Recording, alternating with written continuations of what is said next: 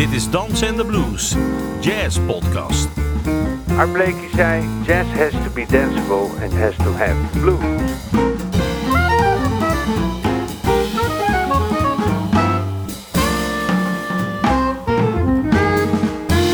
Je luistert naar een aflevering van Dansen en de Blues.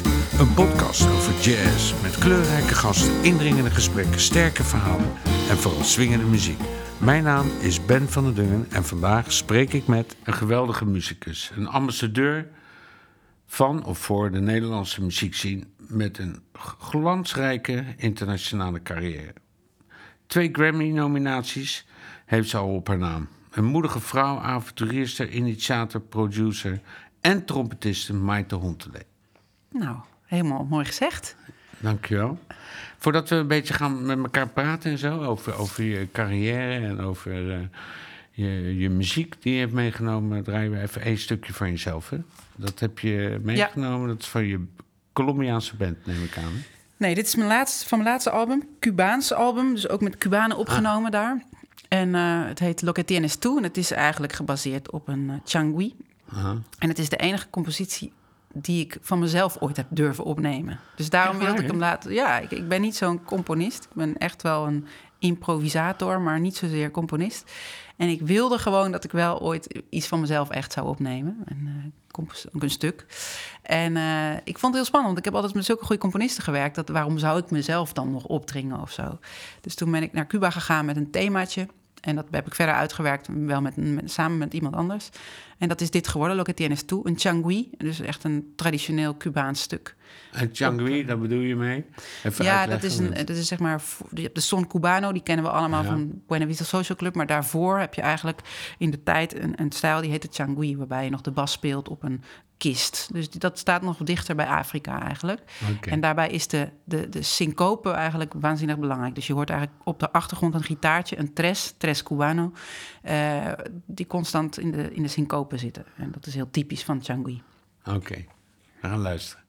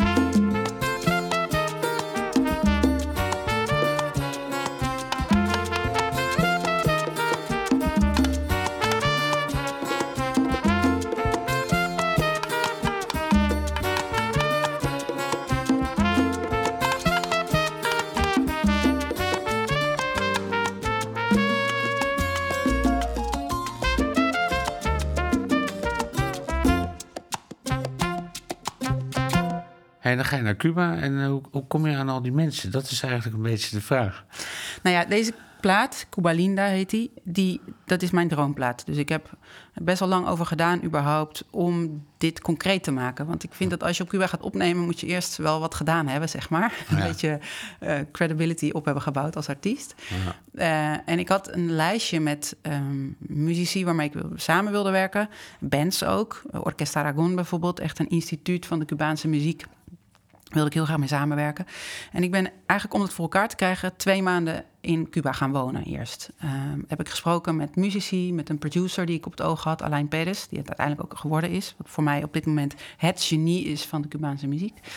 Ehm, en ik heb gesproken met de EGREM. EGREM is het label op Ja. Cuba, hè, het belangrijkste label. En ik heb zeg maar dat allemaal soort van in elkaar gezet in die twee maanden. Ik ben gewoon eens gaan kijken ja, of er interesse was, of ik het voor elkaar zou krijgen. En voornamelijk of ik niet met een grote zak geld daarheen zou moeten. Dat wilde ik niet. Ik, wil niet. ik wilde niet dat geld zeg maar, het zou gaan maken. Nee, ik wilde dat mensen zouden zeggen... ja, laten we dit gaan doen, we hebben er zin in. Nou, daar kwam erachter dat dat zo zat. Eh, mensen hadden me al wel mijn muziek gehoord op Cuba. Ik had er een paar keer al gespeeld. Dus ik had al een beetje een soort van naam opgebouwd. En daardoor was het ook redelijk makkelijk eigenlijk om voor elkaar te krijgen. Dus ik, heb, ehm, ehm, ik ben met mijn Colombiaanse producer daarheen gegaan uiteindelijk... met Juancho Valencia, die mijn eerdere plaat heeft geproduceerd. En heb Alain Perez er dus bij gevraagd. En eh, samen met Alain hebben we gekeken welke muzici we als basis zeg maar, wilden uitnodigen. Dus de conguero bijvoorbeeld en de bassist. Nou, de bassist is trouwens Alain zelf. Ehm, maar ook gewoon, gewoon de hele percussiesessie. Rolando Luna op piano. Echt een fantastische pianist die met Omar Portuando speelt. Maar ook, nou ja, echt met iedereen eigenlijk. En, ehm, en natuurlijk een aantal instituten. Dus die Orquesta Aragon, maar ook zangers die super bekend zijn. Van Los Bamban bijvoorbeeld. Ehm, Nou ja, goed, echt eh, wel de, de whole shebang. Ik ben gewoon voor het hoogste gegaan. En eh, we hebben dat in elkaar geknutseld. We hebben tien dagen opgenomen in de EGRM-studio's. En vervolgens... Een legendarische ongeveer- studio, Ja, toch? ook nog. Ja, je hebt twee afdelingen, zeg maar. Eentje in het centrum, die is wel echt vergane glorie. Die was heel hard toe aan een verbouwing. Dus we hebben het uiteindelijk ge- opgenomen in de andere eh, vestiging, zeg maar. In eh, Miramar. En ja, fantastisch. Heel, heel bijzonder. Want weet je, die, die studio's die zijn weet ik veel hoeveel meter hoog. Alles hout. Fantastisch allemaal voor elkaar. Ook, ook, ook het materiaal, weet je wel. De techniek is heel goed voor elkaar nu daar. Eh, en eh, ja, heel bijzonder proces wel ook hoor. Bijvoorbeeld de bongo zero, dus degene die bongo speelt op die plaat. Die kwam de eerste dag aan en die, die zei... ja, ik heb mijn bongo wel bij me, maar ik ben mijn campana vergeten. En campana, dat is de bel. Als je je campana vergeet als bongo zero... dat is alsof jij... ehm, je wel je mondstuk bij je hebt, maar niet je saxofoon. De rest, Oh ja, weet je wel zo. Dat is gewoon niet... Dat is ondenkbaar eigenlijk. Die hebben dus meteen moeten ontslaan. Want ik bedoel, dat is heel raar. Dus vervolgens de volgende dag een nieuwe bongocero of in de middag. Ja. Eh, ik, ik ben nog wel ge- geprobeerd, heb ik snel om een campana te regelen. Eh, ik weet nog dat ik toen heel snel een taxi heb genomen naar een huis waar heel veel campana's waren, weet je wel. Dat soort anekdotes krijg ik dan. Maar ehm, op zijn Cubaans, dus, dus chaotisch, maar wel ja, de beste kwaliteit die je maar kunt wensen, muzikaal gezien. Ja. Echt gek. En heb je in die twee maanden nog ook een beetje gespeeld daar? Of eh, alleen maar gewerkt en ge- opgenomen? Nee, ik heb wel, ook wel gespeeld, zeker. Ja, eh, eigenlijk heel veel naar repetities gegaan en dan aangesloten met mijn trompet. En inderdaad met optredens vaak uitgenodigd. Wat heel leuk is, maar ook af en toe best wel lastig. Dan sta je in het publiek en dan wil je gewoon genieten. En dan herkennen ze je en dan willen ze je meteen laten meespelen. Wat natuurlijk echt super leuk is, maar op Ja. een gegeven moment ook wel heavy of zo. Je wil ook gewoon anoniem eh, in het publiek staan. Ja. Eh, maar goed, eh, ja, ga ik Maar je, maar je hebt sowieso, je zei net van, eh, dat was eigenlijk eh, een soort droomplaat. Hè? Als je helemaal terug gaat naar het begin, heb je eigenlijk altijd een hele voorliefde gehad voor, voor hele traditionele dingen. Ja, ja dat deed je al in het begin met je allereerste band. Tres- Ja, precies. Hè? Conjunto Tres Dos, ja. Heb jij die ook nog gezien? Ja, dat weet ik in, nog. eh, in de Pater en Ja. Dizzy. En ja, nou ja, dat klopt. Dat zit gewoon heel erg in me. Ik ben thuis opgegroeid met, met salsa, maar ook echt wel veel traditionele muziek. Dus veel son cubano en bolero en mambo van Benny Moré en eh chocolate armenteros op trompet. En ja, dat is sowieso, dat is dan dus heel erg onderdeel van mij geworden. Eh, en het is nog steeds waar ik heel graag naar luister, omdat het heel erg gaat voor mij over waar muziek over gaat. En dat is namelijk verhalen vertellen. En ehm, in, in, de Cubaanse muziek, wat ik daar dan mooi aan vind, is dat er eigenlijk ritmisch heel veel gebeurt. Het is heel complex voor heel Ja. veel mensen. Zeker als je er niet heel veel van weet, dan denk je toch heel vaak: jeetje, wat gebeurt hier allemaal? Ehm, en melodisch is het heel sterk. En ik vind zeg maar dat huwelijk heel mooi. En Ja. eh, ik, ik eh, ja, je kunt ook, het kan heel complex worden. Dus je hebt die Son Cubano, die is wat eenvoudiger. Maar je hebt ook, ehm, eh, weet je, eh, ritmes die veel ingewikkelder zijn. Een Mozambique of een, eh een Bomba en Plena zijn dan weer niet zo ingewikkeld. Maar er gebeurt zoveel. Er zitten zoveel Ja. lagen in die muziek. En mij En, kan je voorstellen dat als je dan jong bent en je komt zeg maar in aanraking zeg maar, met, met je leeftijdgenoten, weet je, dan zijn natuurlijk altijd de, de hippe cats van het moment en de ingewikkeldheid. Dan moet je toch wel een sterke overtuiging hebben, Ja. drijfveer, om, om, om vast te houden aan waar je vandaan komt. Nou, die had ik ook wel. Maar ik, ik heb wel in het begin bijvoorbeeld op het conservatorium... ehm ehm erachter moeten komen dat ik in ieder geval geen jazztrompetist zou worden, weet je. Ik ben eerst in dat keurslijf een beetje gedwongen, hè, want je kon natuurlijk als trompetist kiezen of je gaat klassiek studeren of je gaat jazz studeren. Vervolgens kwam ik dat realboek tegen en dacht ik, ik kan hier heel weinig mee. Ik bedoel, ik ben er niet mee opgegroeid. ehm, trompet technisch gezien of juist dat improviseren, dat, dat wil ik veel liever doen op een clave, dus het ritmisch patroon Ja. van die Cubaanse muziek. Ehm, het was niet mijn taal, zeg maar. En daar kwam ik achter na twee jaar vooropleiding te hebben gedaan. Toen heb ik een brief gestu- gestuurd aan de directie, Bart Guzon ook op dat moment. En ehm, heb ik gezegd van ja, of ik ga van school af, van het conservatorium af, of jullie geven mij de kans om eigenlijk Letten te studeren, wat echt mijn liefde is en waar ik ook in geloof dat het echt een aparte taal is. En dat is toen geaccepteerd. Dus toen ben ik doorgegaan. En heb ik wel altijd, ik ben wel jazz blijven studeren ook. Dat heeft me ook echt wel geholpen. Maar ja, ik, eh, ik ben gewoon heel veel trompetsolo's van al die Cubanen gaan studeren. En ik ben toembouwers gaan leren spelen op piano. En die ritmische concepten ben ik heel goed gaan snappen. Ik heb percussieles gehad bij Niels Fischer. Ehm, Maar even terugkomend op, jou, op, jou, op jou, jouw, eh, jouw voorliefde. Er moet natuurlijk een aanjager zijn geweest. Of er moet een soort... Hè, ik bedoel, iedereen kent op een gegeven moment het moment... dat je gewoon iets hoort waarbij je zegt... Ja, dan hoef je eigenlijk nog niet eens eh, tegen jezelf te zeggen... maar je voelt je in één keer connected, Ja. zeg maar. ja, ik denk dat dat heel erg komt. Ik ben thuis. Wat was bij jou dan? Ja, nou, dat is natuurlijk. Ik, ik denk dat ik van huis uit heb meegekregen dat mu- muziek dat dat ook een soort huis is eigenlijk. Dus ik ben opge- opgegroeid met mijn vader die heel veel eh lettermuziek opzette en mijn, eh, mijn moeder die heel veel eh, klassiek draaide. Dus ik heb thuis enorm veel Radio 4 gehoord, maar ook gewoon ja, de, ja, ik ben opgegroeid met hele goede muziek eigenlijk, weet je. Eh, Ton Koopman, heel veel Bach.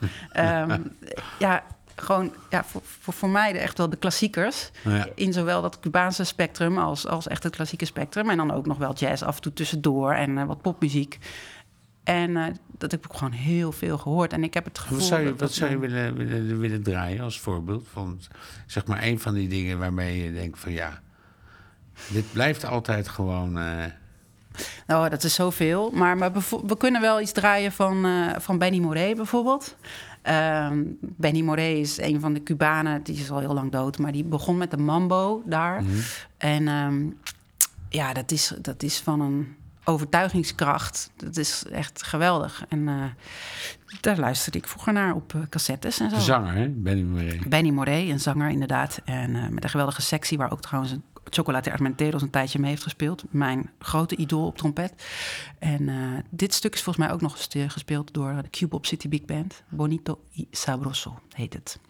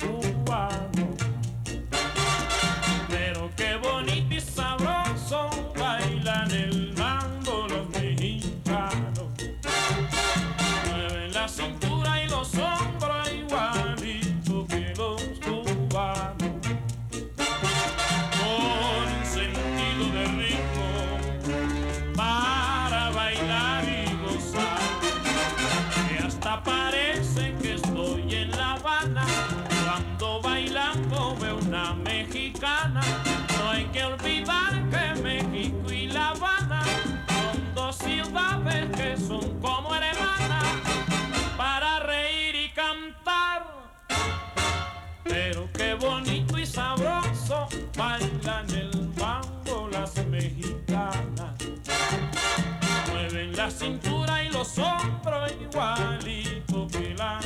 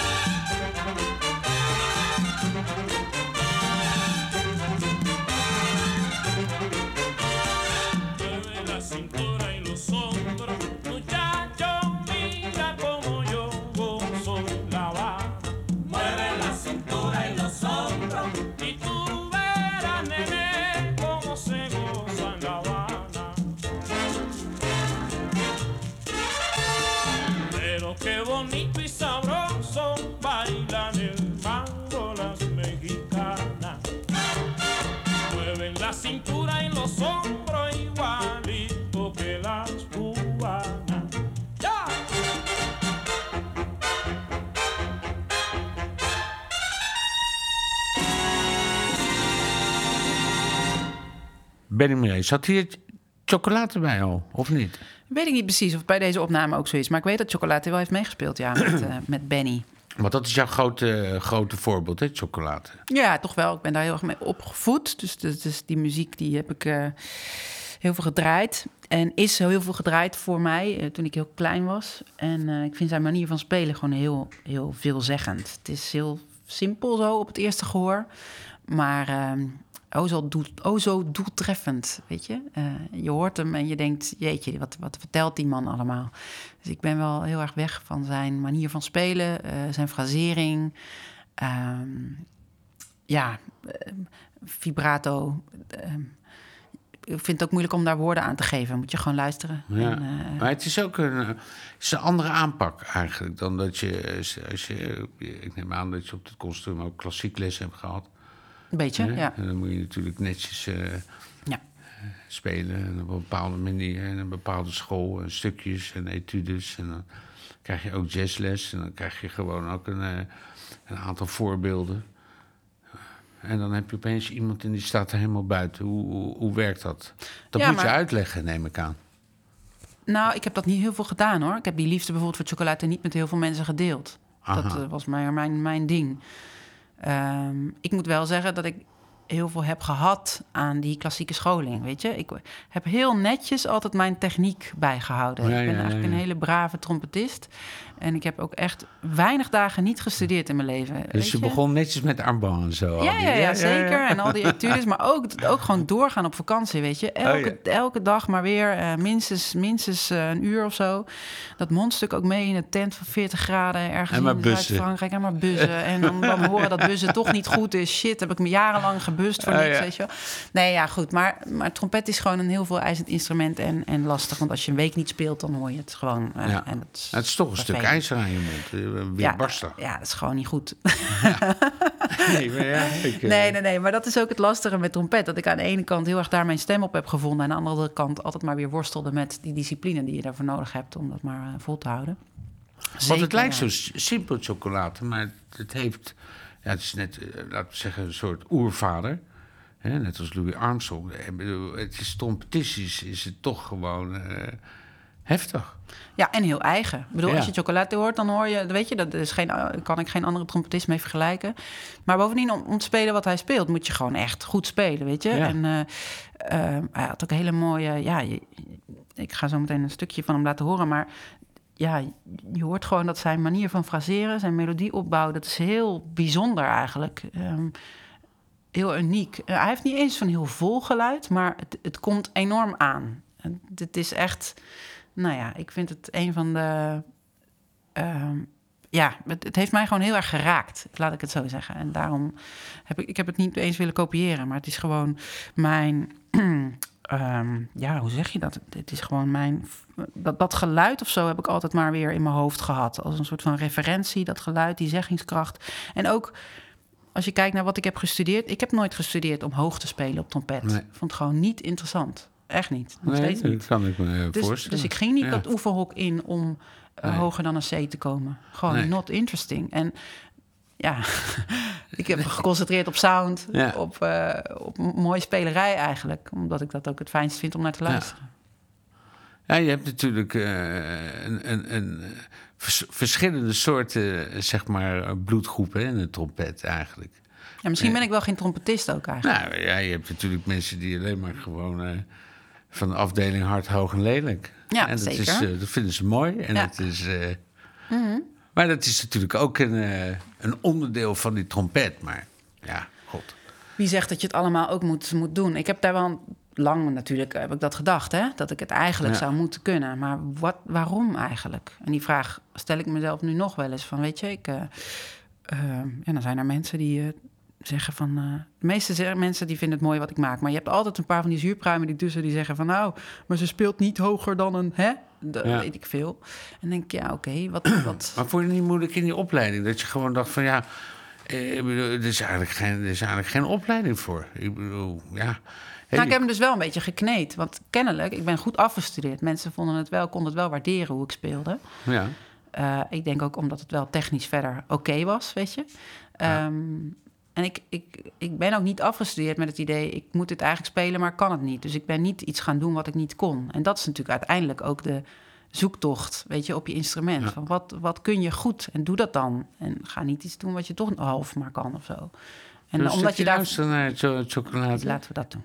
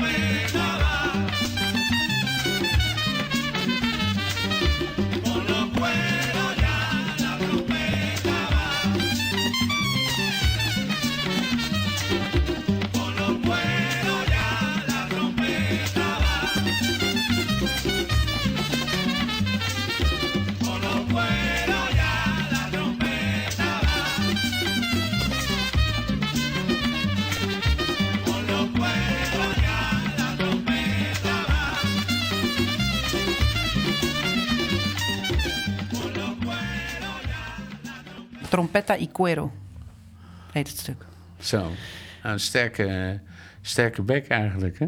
Ja, ook dat, maar ook een enorme ritmische vrijheid. Ja. Dus dat is voor mij bijvoorbeeld de Cubaanse muziek eh, is daar ook. Weet je, als je dat kunt, dat is voor mij wel de beheersing. Dat je die klaver, die heb je gewoon in je lijf zitten, daar hoef je niet meer over na te denken. Dat je daar gewoon helemaal vrij overheen kunt spelen, dat is wel echt, eh, dat is het doel. Ja. Dat je, Maar ja, goed, je hebt aan de andere kant, eh, dat is natuurlijk de oervader Cuba, maar ja, eh, als je naar New York gaat, dat is toch een, een, een andere muzikale mening over, eh, over salsa. Zeker, het klinkt in- anders. In New het York was het zeg maar een, een, een smeltkroes van, van al, al die culturen die daar samenwoonden. Hè. Dus Cuba blijft eigenlijk die muzikale vader. Dat is, dat is die basis die je neerlegt, de, rit- de ritmische basis, ge- vaak. Eh, en vervolgens komt daar dan van alles bovenop. Dus ehm, je kreeg ook Puerto Ricanen die hun ritmes meenamen. Maar, maar over het algemeen is toch wel ja, komen er heel veel invloeden uit Cuba komen dan naar New York. En daar wordt dan een eigen draai aan gegeven. Dus daar komt jazz in. Ehm, maar ook gewoon eh, ja, de, de, wat er gebeurt in de stad en het, het stadse leven. En ook als je die oude video's van de jaren zeventig in New York ziet... met eh Ruben Blades als heel dun mannetje wat daar staat te zingen. Dat, Ja. dat is urban gewoon. En, en dat is dus eigenlijk een samenvatting van wat er op dat moment leeft in die stad. En dat zijn al die culturen samen. En dat is vooral heel veel swing. En eh, ook een soort van overlevingsdrang zit daarin. Dus die muziek heeft, een, heeft enorm veel energie. Ja, en grappig eigenlijk dat je dat zegt. Want zo, als je naar jazz kijkt, heb je natuurlijk de, de New, New Orleans eh, stijl. En op een gegeven moment is het hip geworden in, eh, in, of stads geworden, om het zo maar te zeggen, in New York. Ja. En dat is eigenlijk met die Latin ook zo op dat vlak. Ja, zeker. zeker. Als, je dat, als je kijkt naar die periode in, in New York, dan wat je, wat je hoort is gewoon een. eh, de, is de Bronx, is die rauwheid van, die, van dat leven en eh, eh, dat overleven. En, en wat je ook hoort is dat, dat er toch ook heel veel behoefte is van al die culturen om die culturen te laten horen. Dus de Puerto Ricanen wilden, willen hun bomba en hun plena laten horen. En die Cubanen die willen hun guaguancó laten horen. En dat gaat mixen. En dat levert echt hele bijzondere platen op. Van Fania All-Stars, ehm, Johnny Pacheco, Celia Cruz, ehm, eh, Sonora Ponceña. Dat is dan een, een groep uit Puerto Rico, maar die speelde heel veel in, eh, in New York.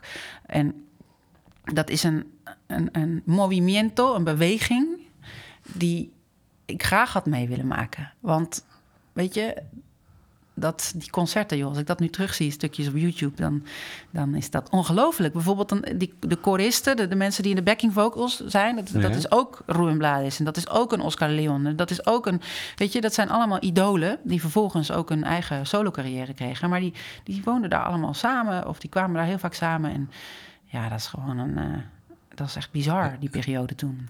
Ja, dat moet echt een boeinest geweest zijn, hè? Ja, ja. En eh, jij wilde een stukje laten horen van de Fania, hè?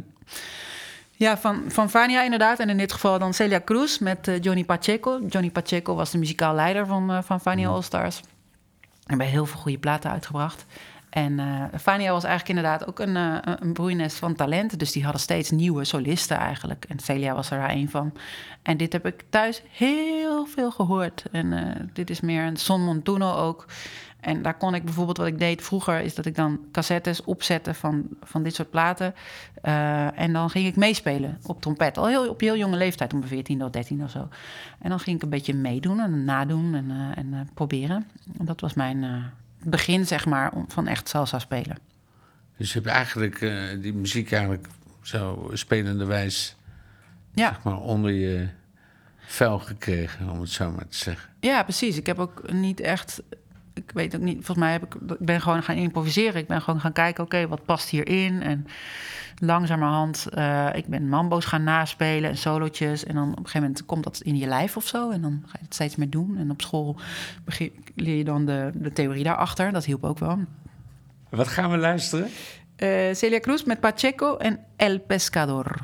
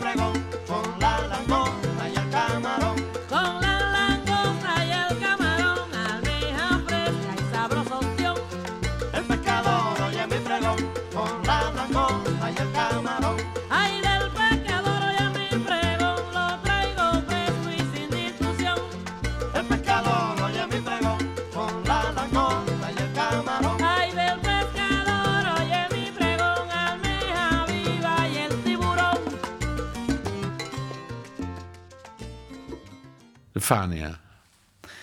Ja, ja, de Fania, dat is gewoon een instituut. Dat eh, ben ik mee opgegroeid. En eh, velen met mij. Ik heb het helaas niet beleefd in levende lijven. Maar eh, ik ben ook blij met de YouTube-filmpjes. Hey, en de Nederlandse scene, hè? Want ik bedoel, jij, jij komt zeg maar een beetje op zo in het begin jaren 2000. Hè? Als Ja. Conjunto Con goed tot tres dos. Tres dos. ik durf het niet uit te spreken. er zijn Hele originele naam. Ja, het dat is, eh, 3-2-bandje. Ja, maar heel, heel mooi. Dat was toch 2004 of zo? Ja, ik. begon 2002 daarmee, denk ik inderdaad. En dat hebben we een paar jaar volgehouden. En het was heel leuk. Elke week in de pater spelen en dan weer nieuw repertoire instuderen. Ja, en, heel, en heel veel gasten om je heen die allemaal letten spelen. Die, die, die eigenlijk zo'n scene heb je nu niet meer eigenlijk. Nee, dat is wel echt heel erg veranderd. Terwijl het toen ook al tanende was. Hè? Het, was het, het was daarvoor was het ook allemaal beter. Ja, hè? dat Ja, zeggen we altijd. was het allemaal beter. maar eh, nee, maar het, is, eh, het was toen op zich nog wel heel leuk. Weet je, die avonden in de Pater op donderdag. Of avonden, nachten, ochtenden. Ik ging altijd wel... Legendarisch. Op een gegeven moment naar huis. Ik, was, ik ben heel slecht in, in nachtwerk. Maar ik heb daar wel hele mooie dingen meegemaakt. Ja. ja. Ja, geweldig. Maar de hoeveelheid van al die percussionisten en mensen die ermee bezig waren, Nederlandse dan, ik kan me zo, zo voorstellen als je ergens anders was opgegroeid, had je misschien niet zo'n eh, ja, kick-off gehad van je carrière. Of is dat niet zo? Eh, misschien niet, maar dan was ik ook wel iets anders gaan doen, inderdaad. Ik bedoel, ik heb het ook wel opgezocht. Hè. Op mijn veertiende zei ik, of eigenlijk op mijn twaalfde zei ik tegen mijn moeder... ik wil in een salsa-bandje. En op mijn veertiende kon dat. Oh. Dat- Daar heb ik gewoon... eh, wist ik dat ik in kon stromen in een soort workshop-orkest in Utrecht... op de muziekschool, UCK. En ik, op mijn veertiende heb ik ook echt dat gedaan, ben ik daar naartoe gegaan. Ik heb zeg maar steeds maar die omstandigheden gecreëerd. Dus ehm, nou ja, misschien inderdaad, als ik in Duitsland of in België was opgegroeid, had ik het ook opgezocht op mijn manier.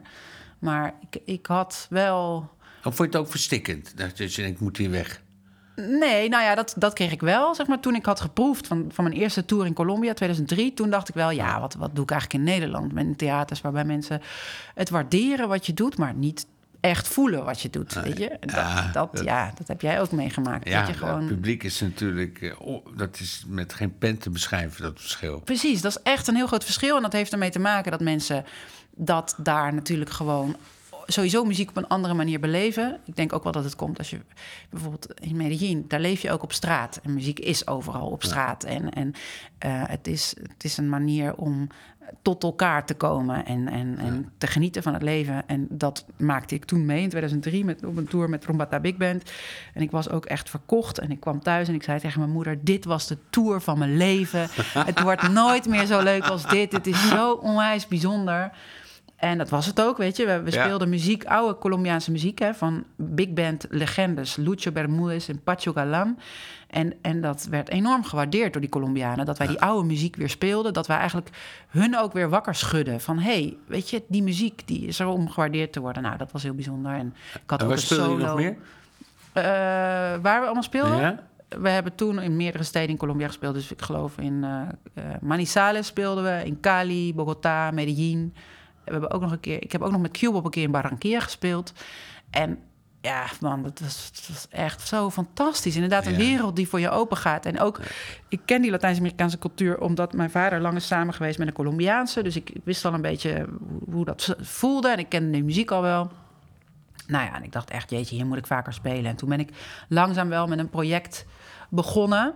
eh, om, om ook daar meer te kunnen spelen. Dus ik ben een cd gaan opnemen in ik, Nederland. Ik vind het heel moedig als je daar zomaar naar zo'n land gaat. En, ik bedoel, dat is natuurlijk iets wat heel veel mensen denken: van ja, ik ga gewoon pak mijn spullen. En eh, dit is de gek land. En hier ga ik. Maar wie doet het? Nee, maar wacht even, het ging anders. Ik had namelijk bedacht, ik ga een album opnemen voor die markt. En in dat proces ben ik verliefd geworden op een Colombiaan. Ah, Dus toen kwam dat eigenlijk samen. En, en toen ben ik wel inderdaad, daar eh, heb ik een perstour gedaan met die plaat. Heb ik, eens- ben ik eens gaan kijken hoe die muziek zou vallen daar. En eh, vervolgens kon ik hem ook beter leren kennen. En is dat heel mooi samengekomen. En dacht ik, nou, dan ga ik verhuizen. Als ik hier de liefde heb en een cd die ik hier kan spelen. Dan, hoe heet eh, die CD? Eh Llegó la Mona. Ah. Een echt een salsa plaat, opgenomen door Mark Bischoff, geproduceerd door Mark Bischoff. Ehm, echt een leuke plaat, maar heel erg salsa. Dus weinig trompet, eh, improvisatie bijvoorbeeld. Echt voor de danser, zeg maar. En, eh, dat, daarna Is, is de Colombiaanse salsa. Is het ook weer een, een ding? Ja, dat is, heeft Toch een weer heel een beetje anders stijl. Nou ja, weet je, een van mijn... Ik heb, ben wel eens... eh, ik werk nu als artistiek leider voor een festival in Nederland, Ja. Music Meeting. En daar hebben we eh, binnenkort eh, met Pinksteren een Cuba-editie. En een van de dingen die ik heel erg voel... is dat ik mensen wil laten zien hoe divers bijvoorbeeld ook die Cubaanse muziek is. En dat geldt eigenlijk natuurlijk voor de Latin in het algemeen. Elk land heeft zijn eigen stempel. In Colombia bijvoorbeeld heb je een bepaalde strakheid in de muziek. En die campana's, die bellen, een koebel, die heeft een hele hoge toon, veel hoger dan bijvoorbeeld Fania in de jaren 70. Dat heeft te maken met, ja, weet ik niet precies, maar met de, de manier van produceren. Grupo Galé is een heel bekende Colombiaanse band. Die zijn begonnen met het in de mix enorm veel high te stoppen, heel veel Ja. hoge frequenties. En dat is een, ja, dat is een stempel geworden. Als je naar Colombiaanse muziek luistert, dan, dan hoor je vaak toch die frequenties wel, of in ieder geval die hoge bel. Ehm, maar ook de swing. Colombiaanse swing is heel anders dan de Venezolaanse swing. Of de, in de Venezolaanse swing zit een soort raar hikje of zo. En eh, de, de Puerto Ricaanse swing is weer heel anders. En Cuba is bijvoorbeeld veel ronder. En die sensualiteit die die Cubanen uitstralen, die zit ook in die muziek. Ehm, en dat vind ik zelf wel heel erg leuk. En ik wilde heel graag eigenlijk aan mensen laten horen hoe dat dan is. En, en waarom dat zo te gek is. Ik Want ben wat- benieuwd naar ja. je eerste opname eigenlijk. Ik wil een stukje luisteren. Oh, van- Welk ja. nummer eh, wil je luisteren? Nou, nu gaan we luisteren naar een, eh, een, een stuk eh Curao en Salsa, een Colombiaanse salsa-track. Gewoon een hele lekkere danstrack is het. En, maar daar, daar hoor je die hoge campana in. Dus luister maar even. Bueno, Oílo me invitó a cantar este numerito que dice one, two, one, two, three, four.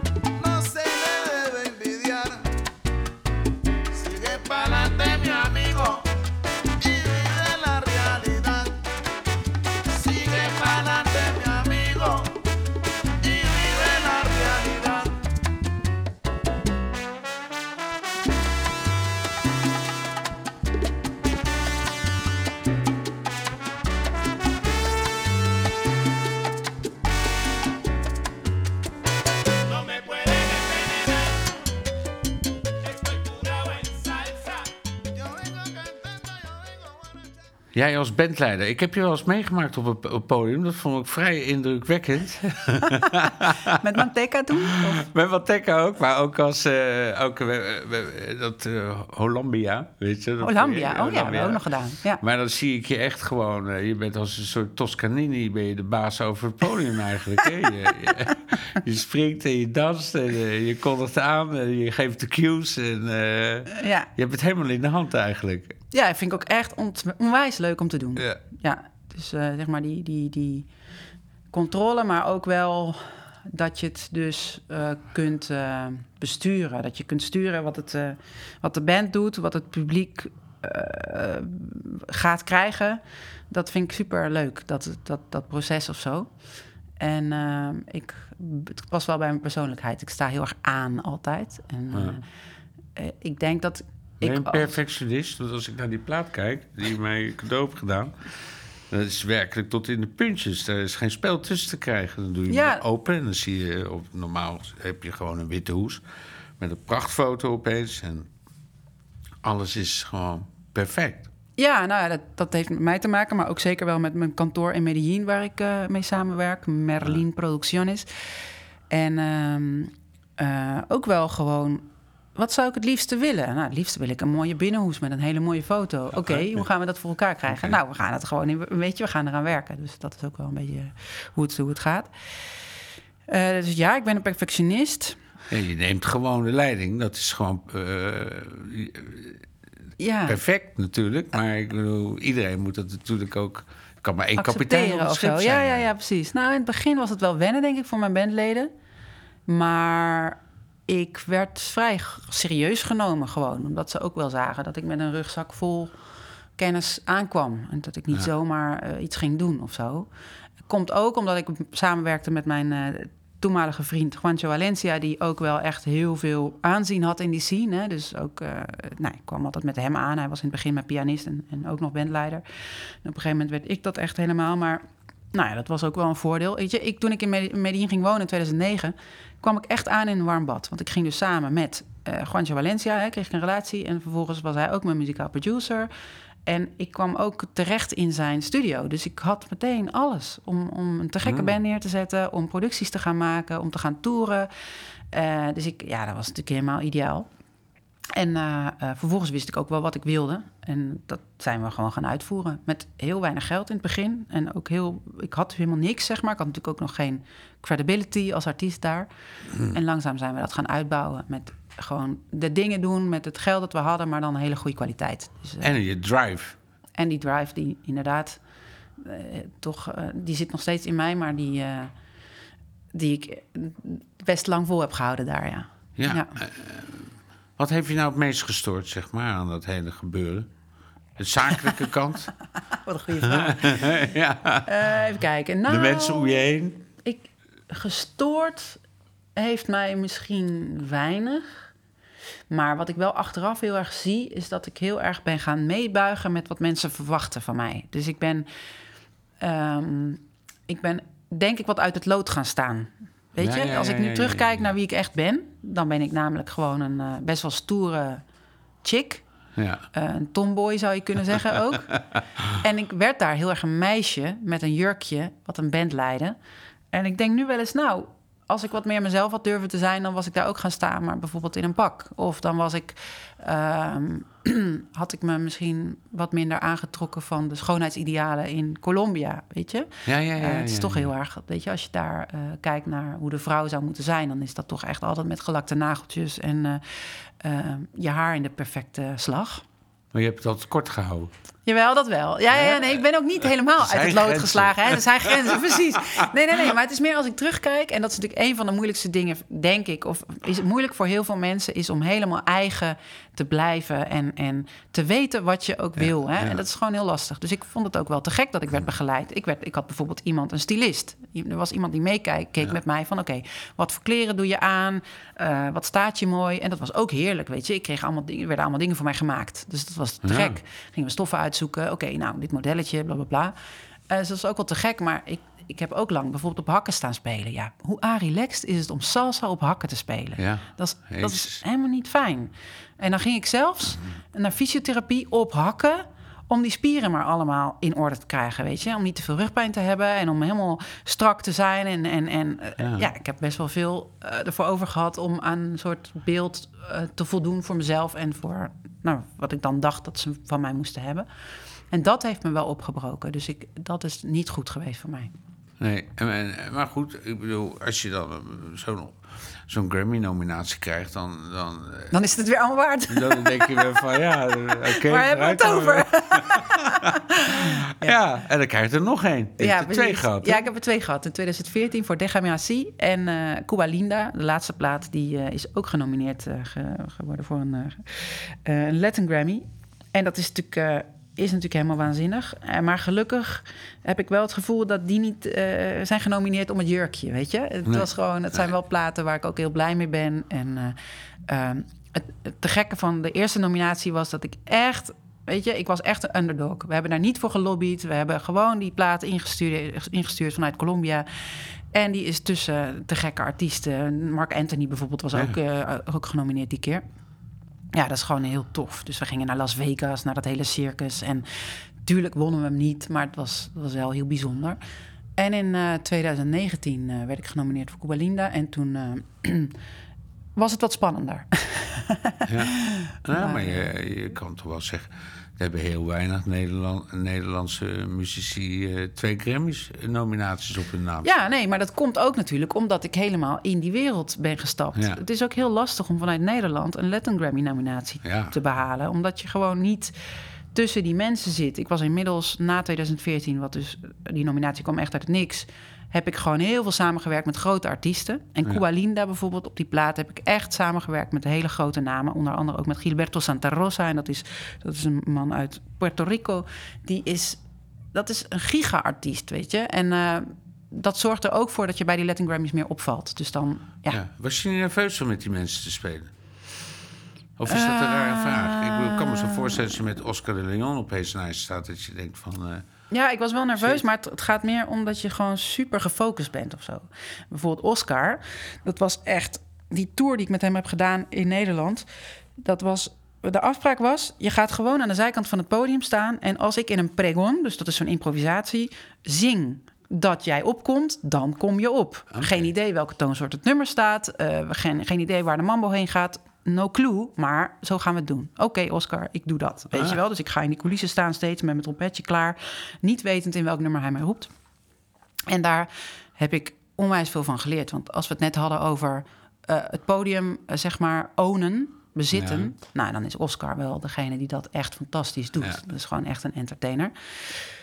Eh, die dus inderdaad al improviserend dan riep... en hier komt die trompetist uit Nederland en bla bla bla bla bla. Dus ik, oké, klaar. Wow, weet je, het podium op en dan, en dan gewoon er staan. En dat was wel echt heel bijzonder en te gek ook. En dat kon ik ook omdat ik gewoon inmiddels al heel veel eh, kilometers had gemaakt.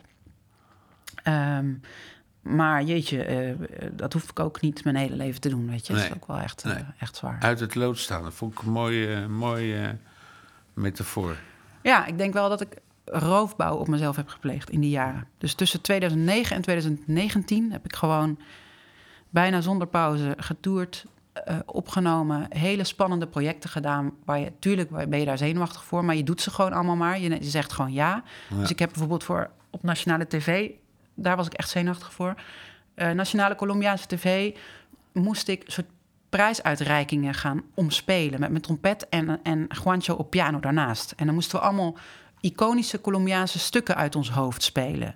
En dat kreeg ik twee weken van tevoren te horen. En dat moet je dan live op nationale tv doen, zonder fouten. In een leuk jurkje, met een leuke smile op je gezicht. Dus het is ook niet alleen, je moet het goed spelen. Nee, er werd ook van je verwacht dat je die chick bent... die er goed uitziet op tv. Ja, of die, ja, ja, weet je wel, eh, sympathiek eh, is.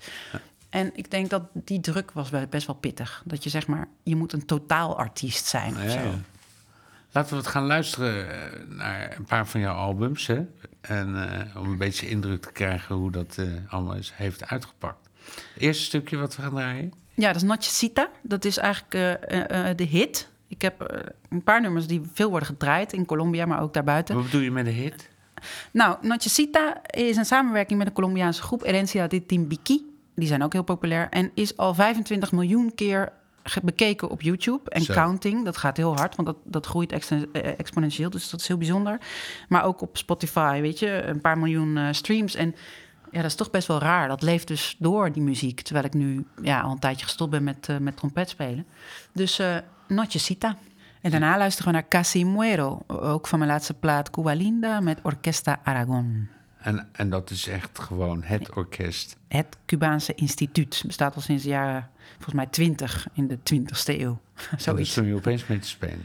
Ja, niet opeens. Maar inderdaad, dat, eh, dat, dat is dus gelukt op dat laatste album om, eh, om daarmee op te nemen. Dus, Ik eh, ben benieuwd. ja. Ja, hartstikke bedankt. En, Jij bedankt. eh, we gaan even luisteren.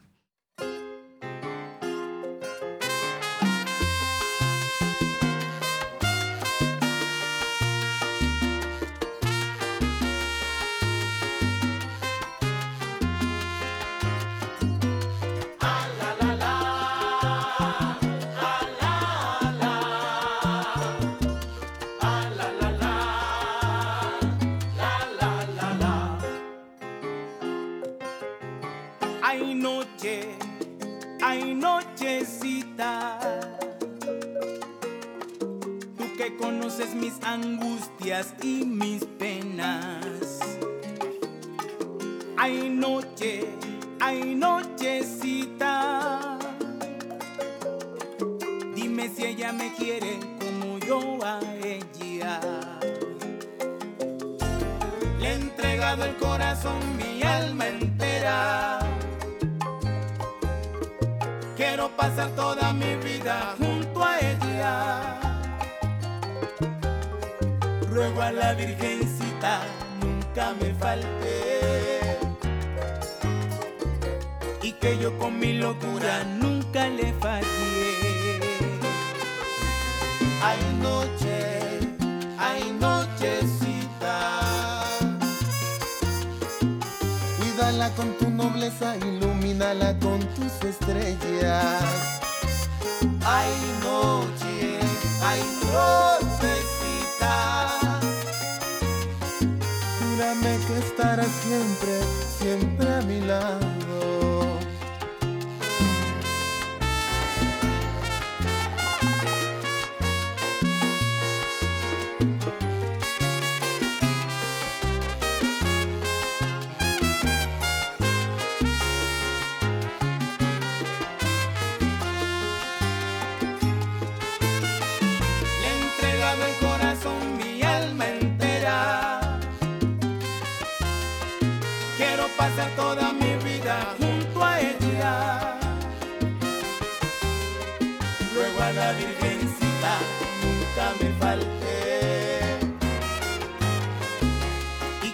Con mi locura